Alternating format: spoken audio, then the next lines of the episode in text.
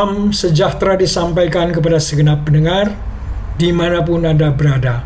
Kiranya Anda semua berada dalam keadaan sehat dan senantiasa dalam pemeliharaan Tuhan senantiasa. Renungan kali ini mengangkat tema segenap jiwa dan kekuatan. Bacaan satu ayat terambil dari Markus 12 ayat yang ke-30. Saudara-saudara yang kekasih dalam Kristus, Alkitab sebagai firman Allah memuat juga novel percintaan. Satu buku yang menonjol mengenai hal itu adalah kitab Kidung Agung. Isi kitab ini merayakan hadiah Allah atas pernikahan dan seksualitas melalui kisah pasangan muda yang sedang jatuh cinta. Kitab ini membawa tema cinta romantis ideal yang digambarkan sebagai persatuan jiwa Komunitas Yahudi percaya kitab ini merupakan cerminan dari hubungan Allah dengan bangsa Israel. Seperti juga orang Kristen membandingkan kitab ini dengan kasih Kristus kepada gereja.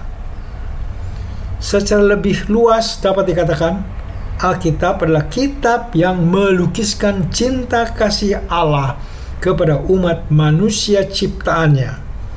Dirumuskan di Yohanes 3 ayat 16 yang berbunyi karena begitu besar kasih Allah kan dunia ini sehingga ia telah mengaruniakan anak yang tunggal supaya setiap orang yang percaya kepadanya tidak binasa melainkan beroleh hidup yang kekal. Sebagai penerima kasih Allah dia menginginkan respon dari kita yang dapat kita baca di Markus 12 ayat 30 kasihilah Tuhan Allahmu dengan segenap hatimu dan dengan segenap jiwamu dan dengan segenap akal budimu dan dengan segenap kekuatanmu. Renungan yang lalu kita sudah membahas dengan segenap hati dan akal budi. Maka kali ini kita akan menyoroti dengan mengasihi dengan segenap jiwa dan segenap kekuatan.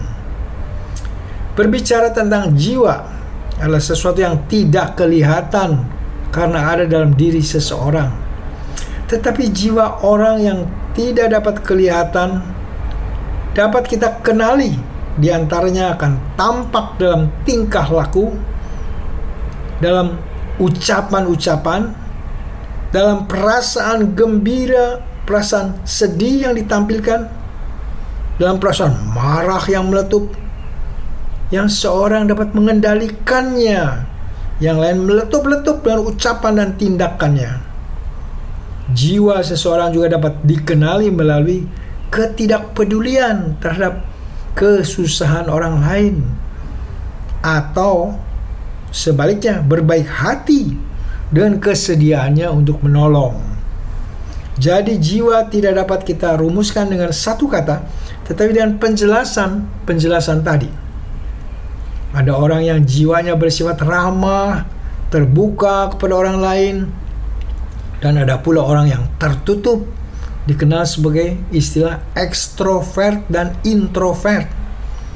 Selain berinteraksi dengan orang lain, jiwa juga berinteraksi dengan diri sendiri melalui proses refleksi. Ini melibatkan introspeksi, evaluasi, dan pemahaman lebih tentang diri kita sendiri. Refleksi membantu kita memahami perasaan, nilai-nilai, dan tujuan hidup kita. Mengasihi Tuhan dengan segenap jiwa, antara lain dengan jiwa kita berinteraksi dengan Tuhan.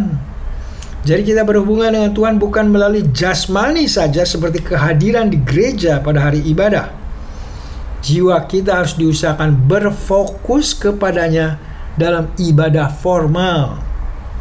Tidak cukup kita juga harus berinteraksi dengan jiwa kita dalam hubungan antar pribadi dengan Tuhan Allah. Interaksi diwarnai dengan cinta kasih. Dalam cinta kasih ini jiwa kita senantiasa mencari dan merindukan untuk senantiasa berada dekat dengannya. Ini seperti tanah yang tandus yang merindukan curahan air untuk memuaskan kekeringannya. Demikian jiwa kita harus merindukan, mencari kepuasannya hanya di dalam Dia.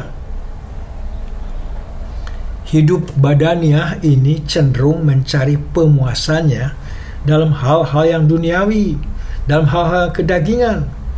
Banyak dari kita mencari pemuasannya dari materi, di mana akhirnya orang terjebak dalam pusaran tidak pernah merasa puas dengan apa yang dimilikinya. Yang lainnya tidak pernah puas dengan kekuasaan, sehingga terjebak dalam pusaran, terus mencari kekuasaan dan tidak ketinggalan menghalalkan segala cara. Semua kepuasan di luar Tuhan nantinya akan menjebak, memperbudak, dan mencelakakan diri seseorang. Sebagai orang Kristen kita tidak imun untuk mengatasi atau mencegah supaya itu jangan terjadi. Maka kita diajak agar jiwa kita mengasihi Tuhan dengan segenap jiwa. Artinya secara terus menerus mencari Tuhan yang menjadi sumber kepuasan kita. Mazmur 42 ayat 2 menuliskan demikian seperti rusa yang merindukan sungai-sungai air Demikianlah jiwaku merindukan engkau ya Allah. Untuk membantu jiwa ini tetap mencari dan melekat kepada Tuhan. Maka dalam agama Islam ada doa dengan menghitung tasbih. Sedangkan di gereja Roma Katolik mengenal doa rosario. Istri Isinya adalah doa-doa yang diucapkan agar hati tetap dekat kepada Tuhan dan segala karyanya. Kita pun dapat mencari cara kreatif dengan mengulangi doa-doa pendek. Misalnya, Tuhan Yesus terpujilah namamu. Atau ucapan lain, terima kasih Tuhan. Atau ucapan lain, Terpujilah Tuhan. Yang diulang, diulang, diulang. Dengan hati yang tertuju dan fokus kepada Tuhan.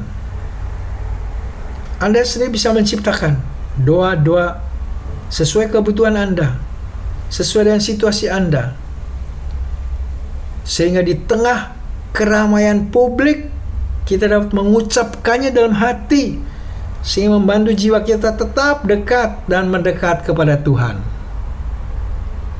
Hukum kasih di Matius 22 ayat 37 sampai 40 tidak mencantumkan kata kasihilah Allah dengan segenap kekuatan. Ini hanya ada pada bacaan kita di Markus 12 ayat 30.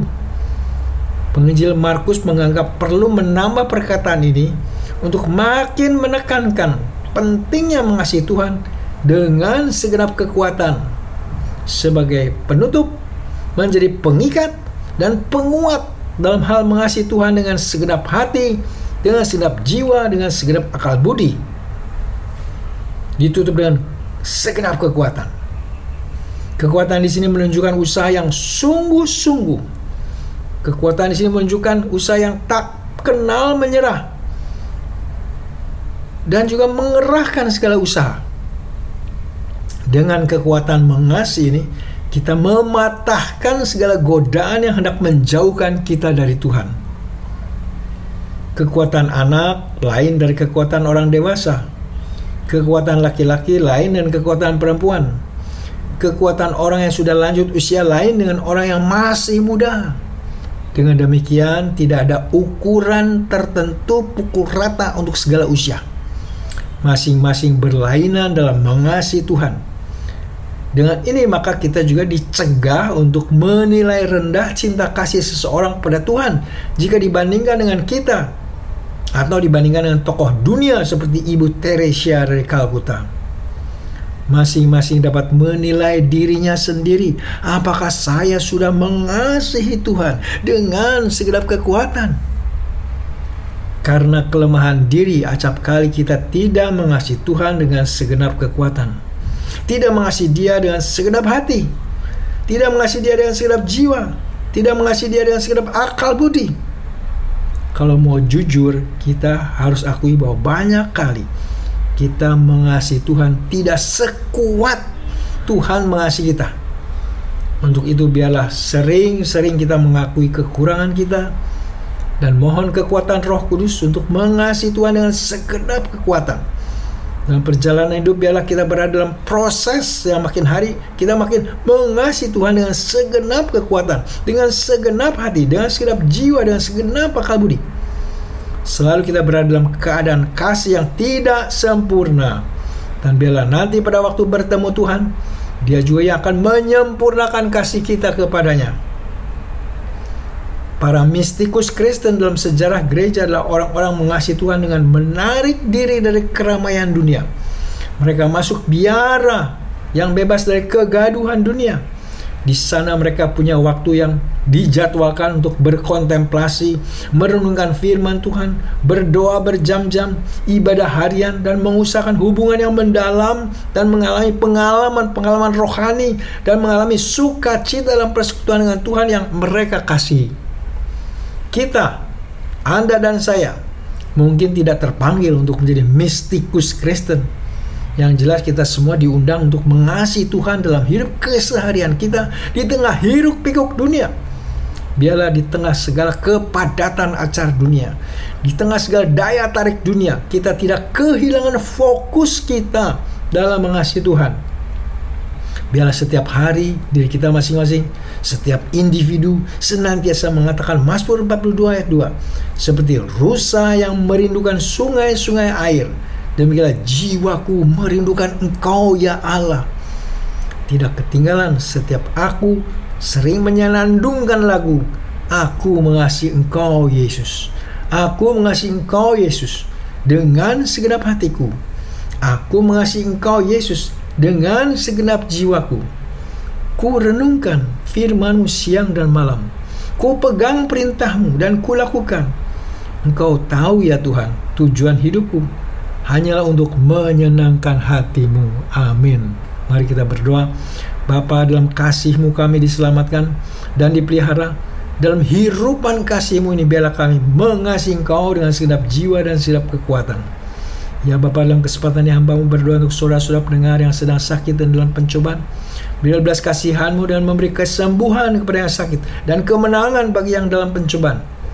Ya Bapak yang baik, dengar dan kabulkan doa ini yang kami minta dan pohonkan. Dalam nama Tuhan kami Yesus Kristus, Juru Selamat yang hidup. Amin.